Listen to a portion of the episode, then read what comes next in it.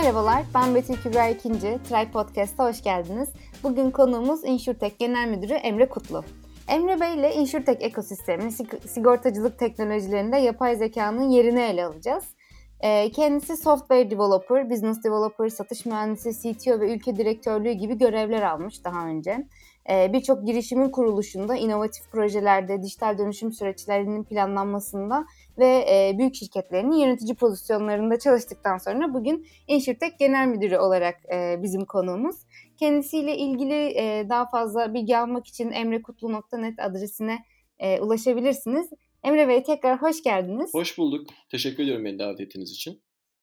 Biz teşekkür ederiz davetimizi kabul ettiğiniz için. Ben size ilk olarak InsurTech'in hikayesini sormak istiyorum. Nasıl kuruldu, neleri hedefliyor, neler yapıyorsunuz InsurTech bünyesinde? InsurTech şöyle kuruldu aslına bakarsanız. Biliyorsunuz dünyadaki hikayesi de yaklaşık 5-6 yıl öncesine dayanır InsurTech'in. E, ilk başta da fintech altında, finans teknolojileri altında e, bir InsurTech e, pozisyonlaması oluyordu ama bağımsızlığını ilan edeli ilk İngiltere, Amerika gibi ülkelerde yaklaşık 6-7 yılı buldu. Türkiye'de de hep konuşulan konudur InsurTech. Dikkat ederseniz insurance yani sigortacılık tarafı biraz daha konservatif gider. Biraz daha güvenli liman olarak gider. Bankacılık da böyle olması lazım ama ülkemizde bankacılık daha inovatif bir atılım gösterdi. Ee, ve bankacılık teknolojisi ve dijital bankacılık anlamında bana kalırsa dünyanın en iyi birkaç ülkesinden birisiyiz. E, insurtech, insurance sigortacılık tarafı bankacılık kadar e, cesur davranmadı. Bunda haklı sebepleri vardı kesinlikle. Daha güvenli bir liman olması gerekiyordu. Ama şimdi Türkiye'de en fazla konuşulan konu inovasyon, dijitalleşme, e, özellikle sigortacılık alanında e, dijitale taşınma, bütün işleri dijitalden yönetme ve insurtech en çok konuşulan konu. Bu bağlamda biz insurtech'i e, değerli arkadaşım e, Acar Pro'nun sahibi Fatih ile birlikte yıllardır konuşuruz. Yaklaşık 5-6 yıldır konuşuruz. E, bu faaliyete geçen yıl ancak geçebildi. Geçen yıl bunu Türkiye'de ilk inisiyatif alıp e, kuran e, öncülerden birisi, e, daha doğrusu öncü kişi Fatih diyeyim, Fatih Acar. E, akabinde Fatih dedi ki ben kuracağım Emre arkasından sen lütfen devral. E, tamamen böyle gelişti. Gerçekten Fatih bunu kurdu. Başarılı bir girişim yaptılar geçen sene.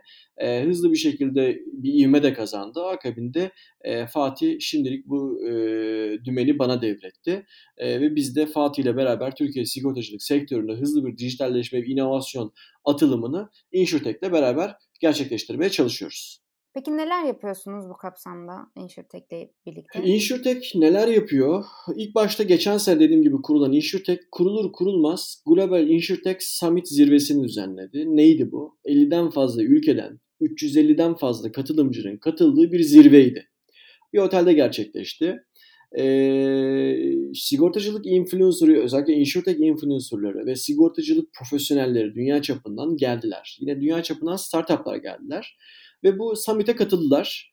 E, summit de ciddi bir ses getirdi çünkü e, Polonya'dan, Çek Cumhuriyeti'nden, işte Malezya'dan, e, Singapur'dan vesaire gelen startuplar Türkiye'de müşteri buldular. E, ve öyle ki bir tanesi yaklaşık 5 sigorta şirketiyle çalışmaya başlayınca Türkiye ofisini açmak istedi. E, güzel. Demek ki bir sonuç alınmış. Nisan ayında yapılmıştı geçen sene. Bu sene de Nisan ayında yapılacaktı ama bu pandemi sürecinde ertelendi. 21-22 Ekim tarihini erteledik. Yine e, daha fazla ülkeden, daha fazla katılımcının var olduğu bir Global InsurTech Summit'i bu sene de gerçekleştirmek istiyoruz. Hedefimiz e, InsurTech Summit'i Münih, London gibi böyle cazibe merkezi haline getirmek, İstanbul'da cazibe merkezi haline getirmek ve her yıl bunu düzenlemek. Ama tabii ki de tek faaliyet alanımız bu olamazdı e, kendimize yeni faaliyet alanları bulmamız gerekiyordu. Bu güzel bir vitrindi ama e, ve güzel bir aksiyon aynı zamanda. E, şöyle faaliyet alanları geliştirdik bu sene ve önümüzdeki sene de yeni faaliyet alanlarıyla devam edeceğiz. Bu seneki faaliyet alanlarımız Incubation Center kuruyoruz. E, Yıldız Teknik Üniversitesi içerisine e, bir kuluçka merkezi, e, İnşurt'te kuluçka merkezini e, ciddi anlamda faal hale getiriyoruz. Bu öyle bir kuluçka merkezi olacak ki Big Four dediğimiz danışmanlık şirketleri, işte yine teknoloji devleri bunun sponsorları olacak. E, ta, vergilendirme ve hukuksal mevzuatlarda Big Four'dan destek alacağız. Mentorlar olacak orada. Bunlar mentorluk yapacaklar. Bireysel ciddi mentorlarımız olacak. E, ve bu hızlandırma programının sonunda incubation'dan çıkan startuplara ciddi yatırım e, havuzlarında yatırım sunumları gibi fırsatlar sunuyor olacağız. Ee, yine bir faaliyet alanımız bu sene devreye sokacağımız, yıl sonu devreye sokmak istediğimiz bir hackathon planlıyoruz. Global InsurTech Summit zirvesinden sonra Kasım gibi e, birçok yazılımcının hafta sonu bir araya geleceği ve birçok sigorta dikeyinde e, hasar, işte otomotiv, kasko, sağlık, bireysel emeklilik gibi alanlarda e, hackathon yaptıkları bir cumartesi pazar kapanıp hızlı yazılım geliştirdikleri bir hackathon planlıyoruz. Yine bir faaliyet alanımız bu sene faaliyete soktuğumuz faaliyet alanı. Application Market diye bir şey soktuk devreye. Nedir bu? Startuplarımızın böyle dişe dokunur, e, güzel, kendini ispatlamış application'larını yani uygulamalarını sigorta sektörü ve sigorta paydaşlarıyla buluşturuyoruz ve entegrasyonunu yapıyoruz. E, bundan keyifle e, sonuçlar almaya başladık. E, birkaç tane hızlı bir şekilde pandemi sürecinde entegrasyon gerçekleştirdik ve devam ediyor yeni entegrasyonlarımız. Son olarak yine bahsetmek istediğim diğer bir faaliyet alanı bu sene devreye soktuğumuz akademi. E, önümüzdeki dönemlerde daha çok karşılaşacağız. E, eğitim içerikli bir takım e, etkinlikler düzenleyeceğiz InsurTech kapsamında. Bu sigorta profesyonellerine olur, inovasyon e, tarafında yetkinlik kazanmak isteyenlere olur, kişisel gelişim kazanmak isteyenlere olur, e, aktüerya tarafında bir e, know-how edinmek isteyenlere olur ve benzeri daha bir core sigortacılık ve core teknoloji anlamında ayrışan eğitimler yapmayı planlıyoruz. Bunlar bizim yaptığımız şeyler. Gelecek sene e, belki de kim bilir hedeflerimizden bir tanesi kendi fonumuzu kurup kendimizin fonlamak istedikleri startuplar var. O fonu kurabilecek miyiz önümüzdeki sene? Göreceğiz. Çalışmalarımıza devam edeceğiz. Süper. Siz bir topluluk oluşturuyorsunuz aslında ve hani bu topluluk oluşturmanın önemini ben sormak istiyorum. Neden siz böyle bir misyon üstlendiniz InsurTech olarak? Ekosistem oluşturmanın önemi nedir? Öncelikle şunu söylemem gerekir. Ee, dediğim gibi sigortacılık dünyada biraz daha konservatif. Bankacılığa göre daha konservatif ilerliyor. E, tabii doğal olarak Türkiye'de de konservatif ilerledi. Haklı gerekçelerle. Ama artık bunun zamanı değil artık bakın pandemi sürecinde de çok ön plana çıktı. Tabii öncesinde de konuşuldu ama bu süreçte çok daha anlaşıldı.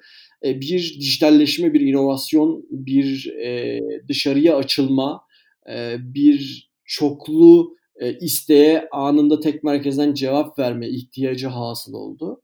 Bunların hepsi bir inovasyonla, bir dijital dönüşümle gerçekleşecek, gerçekleşmek zorunda bunu üstlenecek, burada bir sorumluluk, inisiyatif alacak e, şirketlere, kuruluşlara, e, gönüllülere, e, derneklere, organizasyonlara ihtiyaç var. E, sigortacılık tarafında da bunu ilk ortada orta noktada durup bunu herkes için yapacağım diyen e, kurguyu e, biz yaptık. InsurTech Hub yaptı açıkçası.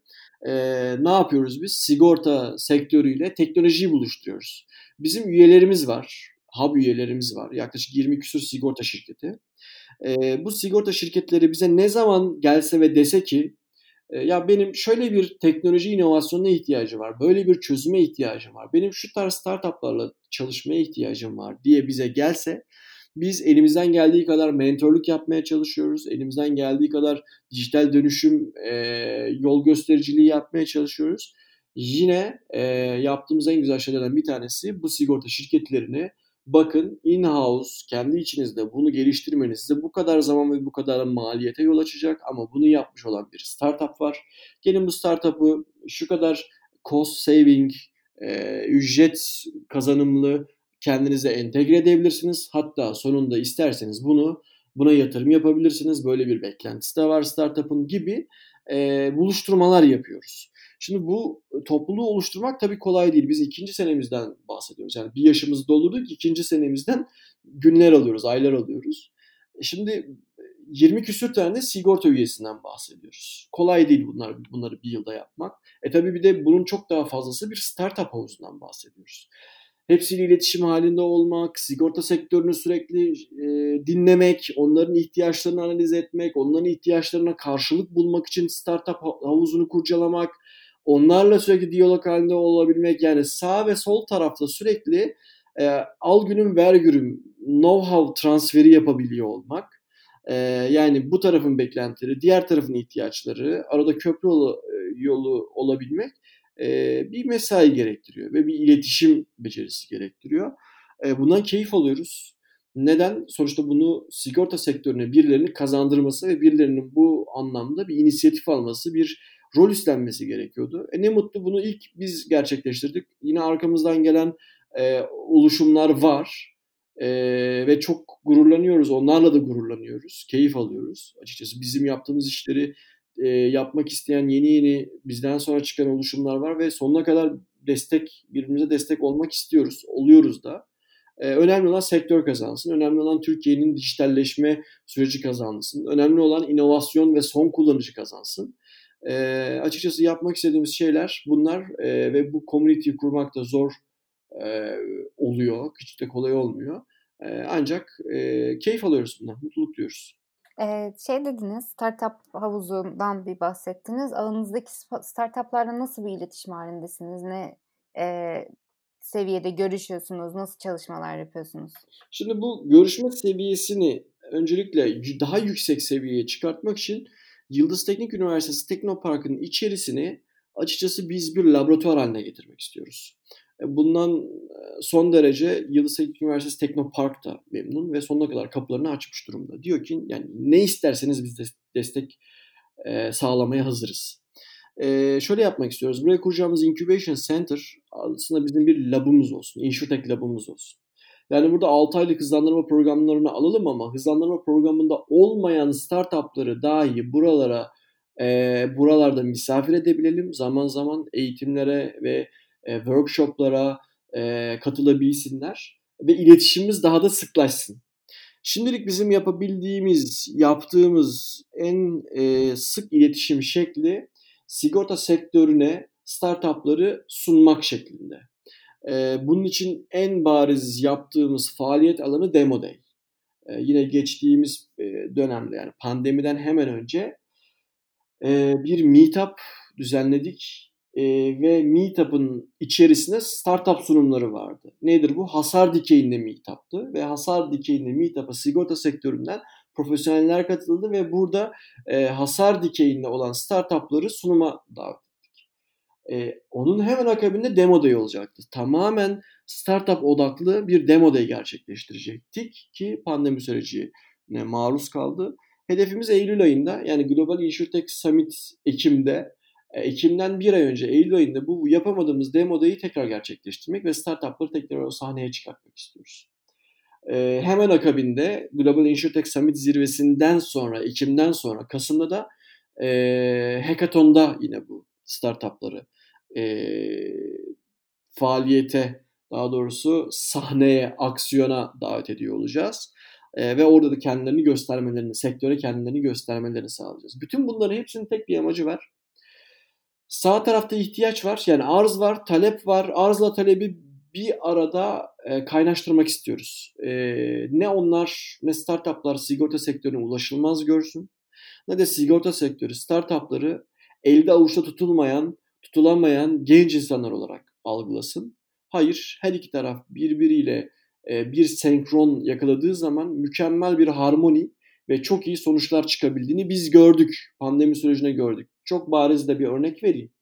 E, startuplarla ilişki seviyemizin ne sorusuna da cevap olacağını düşünüyorum. E, bize sigorta sektörü paydaşlarından Eksperler Birliği, TOB'a bağlı, Türkiye Odalar Borsalar Birliği'ne bağlı e, SAİK, Sigo, SEİK daha doğrusu, Sigorta Eksperleri İcra Komitesi e, başvuruda bulundu. Dedi ki ya biz ekspertiz yapamıyoruz yerinde ekspertiz gidip yapamıyoruz çünkü buna müsait değil ortam. Ne yapabiliriz? Bunun dijitalleşmesi ve online versiyonu nasıl yapabiliriz? E bizim de bir startup'ımız vardı birlikte çalıştığımız. Dijital video asistan hizmeti sağlıyordu. Ee, dolayısıyla biz bu startup'ımızı Ortus 4C, Ortus 4C e, ismindeki startup'ımızı hemen Eksperler Birliği ile, Eksper İcra Komitesi ile, TOB'a bağlı bu komiteyle entegre ettik ve binlerce ekspertiz firması e, tek bir çatı altında bu video konferans, video asistans hizmetiyle entegre oldu ve bundan sonraki ekspertiz hizmetlerini sağlıklı bir şekilde video üzerinden sağlayabilir oldu. Dolayısıyla e, biz hali hazırda sağ kulağımızda startuplar, sol kulağımızda e, sigorta şirketleri ne zaman ihtiyaç olsa bu iletişimi e, sağlıyoruz. Sürekli diyalog halindeyiz iki tarafla da. Ama dediğim gibi bu diyaloğu arttırmak için bir incubation center'ı devreye sokacağız. Burası labımız olacak. Sürekli burası onların derneği gibi olacak ve buraya gelebilecekleri istedikleri zaman. Bir de hackathon'u gelenekselleştirmek istiyoruz. E, bu gelenekselleştirdiğimiz hackathon'da yine onlarla iletişimimizi hem kendi adımıza hem de sektör adına hızlandırmak istiyoruz. Gerçi birazcık bahsetmiş olduğunuz e, nasıl yetkinliklere sahip olduklarından ama ben biraz daha e, ayrıntılı olarak bahsetmenizi rica edeceğim. E, bu insurtech alanında çalışan girişimlerin nasıl yetkinlikleri var? Literatüre neler katıyorlar? Açıkçası biz burada şunu da beklemiyoruz. Hani core insurtech olsun. Yani sadece insurance, sigortacılık anlamında e, bir amaca hizmet etsin. Hayır bizim burada net bir tanımımız var direkt ya da dolaylı yoldan e, sigortacılık alanında e, bir fayda model üreten herhangi startup'ı e, biz ağımıza katabiliyoruz. Neyden bahsediyorum? Örneğin e, personel verimliliğini ölçen bir startup'ımız var. Yıldız Teknik Teknopark içerisinde beyaz yaka, masa başı çalışan personelin ister evinde çalışsın, ister ofisinde çalışsın, bilgisayarın başında olduğu andan itibaren işle alakalı performans ve verimliliğini skorlayabilen bir girişimden bahsediyoruz. Harika. E bu girişim bir insurtech midir? Değildir. Ama dolaylı yoldan sigortacılık sektörüne de fayda model sağlar. Ne yapar? Tabii ki sigortacılık sektörde beyaz yaka çalışanları e, ciddi anlamda e, bir gider kalemi ya da bir insan kaynağı olduğu için bunu daha verimli yönetmek istemektedir. E, dolayısıyla biz bu startup'ımızı özellikle bu yine pandemi sürecinde, korona sürecinde evden çalışma düzeninde birçok sigorta sektöründeki firmayla bir araya getirdik. Bizim özellikle üyelerimizle bir araya getirdik. Akabinde gördük ki sigorta sektöründeki paydaşlar ve direkt sigorta şirketleri bu yazılıma ihtiyaç duyuyormuş ve hızlı entegrasyon gerçekleştirdiler. Dolayısıyla e, tüm tüm bu entegrasyonlar e, bize gösterdi ki e, biz yetkinlik olarak e, direkt core sigorta poliçesi kesiyorum, sigorta satışı yapıyorum değil. Sektörün bizden beklentisi bunun yanında aynı zamanda bir e, kurumsal şirket olarak, bir beyaz yaka çalıştıran e, şirket olarak e, diğer alanlarda da inovasyona ihtiyaçları var. Güzel. Şimdi çok yakın zamanda yine saha operasyonlarını, saha satış operasyonunu nun performansını ölçümleyen bir startup ile bir görüşme yaptık. E bir de baktık ki sektörün gerçekten böyle bir şeye ihtiyacı var. Bu core bir insurtech midir? Değildir. Ama dolaylı yoldan sigortacılık sektörüne, sigorta teknolojilerine hitap eden bir startuptır. Bunu da ağımıza kattık. Ama bunun yanı sıra direkt e, sigortacılık anlamında e, sigortacılık yazılımı, sigortacılık ana yazılımı, e, sigorta şirketlerinin kendini yönetmek için kullandığı o ana yazılımları üreten startuplar ve yazılım şirketleri de var. E, bunlar da bizim üyelerimiz. E, bunlar da sadece sigorta sektörüne hitap eden yazılımlar. Bunun içerisinde yapay zeka yazılımları da var. E, direkt sigortacılık için yapay zeka üreten yazılımlar da var. Mesela hasar analizini bir aracın fotoğrafı üzerinden yapabilen startuplar var. Türkiye'den ve yurt dışından yine bizim üyemiz. sigortacılık sektöründe bunu isteyen üyelerimiz olduğu zaman hem Türkiye'deki hem yurt dışındaki startuplarımızla bu yapay zeka şirketlerini buluşturuyoruz. E, bu direkt sigortacılığa hitap eden, hasar operasyonlarına hitap eden bir e, insurtech. Ama bir de birden fazla şirkete, birden fazla sektöre daha doğrusu hitap eden e, analiz yapay zekaları var. İşte bu kaçakçılığı önlemek, riskleri analiz etmek anlamında sigortacılığa fayda model üretirken aynı zamanda bu birçok sektöre fayda model üretebilen, dolaylı yoldan insurtech olan başka startup tiplerimiz var. Bunlar da yine bizim havuzumuzda. Dolayısıyla yetkinlik olarak baktığımızda sorunuza direkt cevap olması gerekirse biz direkt sigortacılık olmasını mecbur tutmuyoruz. Dolaylı yoldan sigorta şirketlerine de hitap eden e, startupları havuzumuza katıyoruz ve sigortacılık sektörüyle buluşturuyoruz. Yapay zeka, makine öğrenmesi ya da e, tamamen e, elle manuel yürütülen e, süreçlerin robotlaşması anlamında robotic process automation, RPA çözümleri e, ya da sigortacılık anlamında çok basit bir sorunu çözen bir çözüm ya da sigortacılık anlamında poliçe kesmeye yarayan core sigortacılık yazılımları e, yine bizim yetkinliklerimiz arasında e, bu tarz yetkinlikleri olan hangi e, startup'ımız, hangi teknoloji şirketimiz varsa kapımız sonuna kadar açık, sektörle buluşturmaya hazırız. Harika. E, yapay zekadan da bahsetmişken siz e, yapay zekanın bu girişimlerde kullanımıyla ilgili nasıl bir durum gözlemliyorsunuz? Ne kadar kullanılıyor? Siz bir gelişme görüyor musunuz? Mesela işte daha önceden bu kadar kullanılıyordu, bugün çok daha fazla arttı gibi bir gözleminiz var mı? Şimdi e, rakamla konuşmayı severim. Hani rakamla konuşalım dilerseniz. Benim e, geçen gün yaptığım bir webinar vardı. O webinarda NBS HR isimli insan kaynakları firmasının e, kurucu ortağıyla e, konuştuk. Bir webinar yaptık. E, bana şunu sormuştu e, kendisiyle yaptığımız webinarda. Emre e, biz birçok yere e, pozisyonlama yapıyoruz. Birçok sektöre pozisyonlama yapıyoruz. Tabii bu sektörlerden bir tanesi sigortacılık. Ama iki sektör var ki özellikle bu pandemi döneminde e, işe alımları durdurmadı. Bunlardan bir tanesi e, taşımacılık, lojistik yani. Diğeri e, sigortacılık. Ve rakamlara baktığımız zaman ya da analizlerimize baktığımız zaman özellikle iki alan çok dikkatimizi çekiyor sigortacılıkta iş gücü ihtiyacı olan iki alan. Ee, ne çok ne istemişler bizden daha çok? Baktığımızda şunu istemişler diye söylüyor. Ee, veri mühendisi ve e, yapay zeka mühendisi. Şimdi veri analizcisi yani veri mühendisi, veri madencisi ya da big data'yı işleyebilen, onu yorumlayabilen, onu programlayabilen mühendisler aranması e, burada büyük verinin artık sigortacılıkta bir anlam kazandığı ya da farkına varıldığı ve büyük veriden e, bir analiz yapılmak istenmesi gibi bir durumun ortaya çıktığı gözlemleniyor. E, bu büyük veriden ne gibi bir analiz çıkabilir? Risk analizleri çıkabilir, e, hedef analizleri çıkabilir, yeni sigortacılık türleri analizi çıkabilir, e, hasar analizleri çıkabilir. Nereden gol yiyoruz, nerelerden e, daha dikkatli olmalıyız, hangi müşteri tipinde dikkatli olmalıyız, müşterilerimize nasıl daha iyi e, response verebiliriz, nasıl iyi hizmet verebiliriz. Bunların analizi çok güzel çıkıyor. E, bu anlam çıkıyor buradan. Bir de yapay zeka mühendisleri aranıyor. Yapay zeka mühendisleri dediğim gibi az önce risk analizlerini machine learning ile ya da elinizdeki data setle, elinizdeki veri setiyle machine learning ile ya, yani makine öğrenmesini anlamlandırırken e, bunu da artık bir e,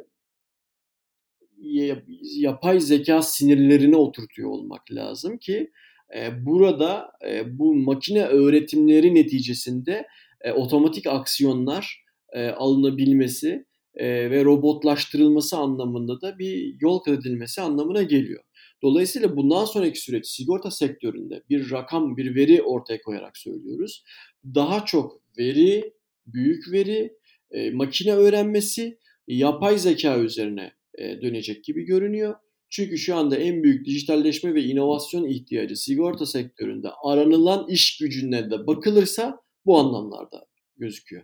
Bir de ben size son olarak yapay zeka, sigorta gibi sektör, e, yapay zekanın sigorta ve finans gibi sektörleri nasıl değiştireceğini ve e, sizin geleceğe dair öngörülerinizi sormak isterim. Şimdi açıkçası finans ve sigortacılıkta yapay zeka, daha doğrusu finansta çok daha hızlı yol almaya başladı.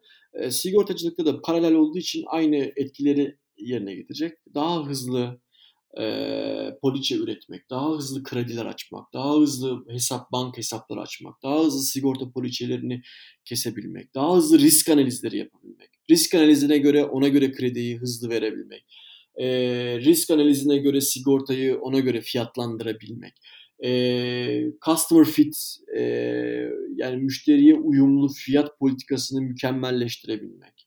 Yani siz herkese sabit bir fiyat politikası sigortacılıkta veriyorsunuz ama e, tamam bunu bir nebze daha e, riske göre dayalı tutabiliyorsunuz ama bu sadece e, birkaç skorlamayla olmaması lazım. Bunun birçok kriteri olması lazım. Buralarda daha hızlı olunabilecek gibi görünüyor. Islak imzaların gerektiği yerler artık KYC yani Know Your Customer dediğimiz yapay zekalarla yani e, Customer Onboarding dediğimiz müşteriyi dijitalden edinme, edinim e, yapay zekalarıyla daha hızlı olacak. Bir poliçe oluşturmak, ıslak imzalar, dokümanların gelmesi, gitmesi bir iki günü alacaksa e, artık onlar saniyeler içerisinde olacak. Evet poliçeler artık saniyeler içerisinde üretiliyor olabilir ama yine e, kurumsal yapılarda ya da regülatif yapılarda e, kanun nezdinde bu işlerin ıslak imzalarla olması artık tarih oluyor. Bunu dijital ortamlarda müşteriyi tanıma ve dijital imzalarla nedir bu? Bayometrik dijital imza yani yüz tanımı e, parmak izi gibi yüzünüzde bir kimlik taşıyor.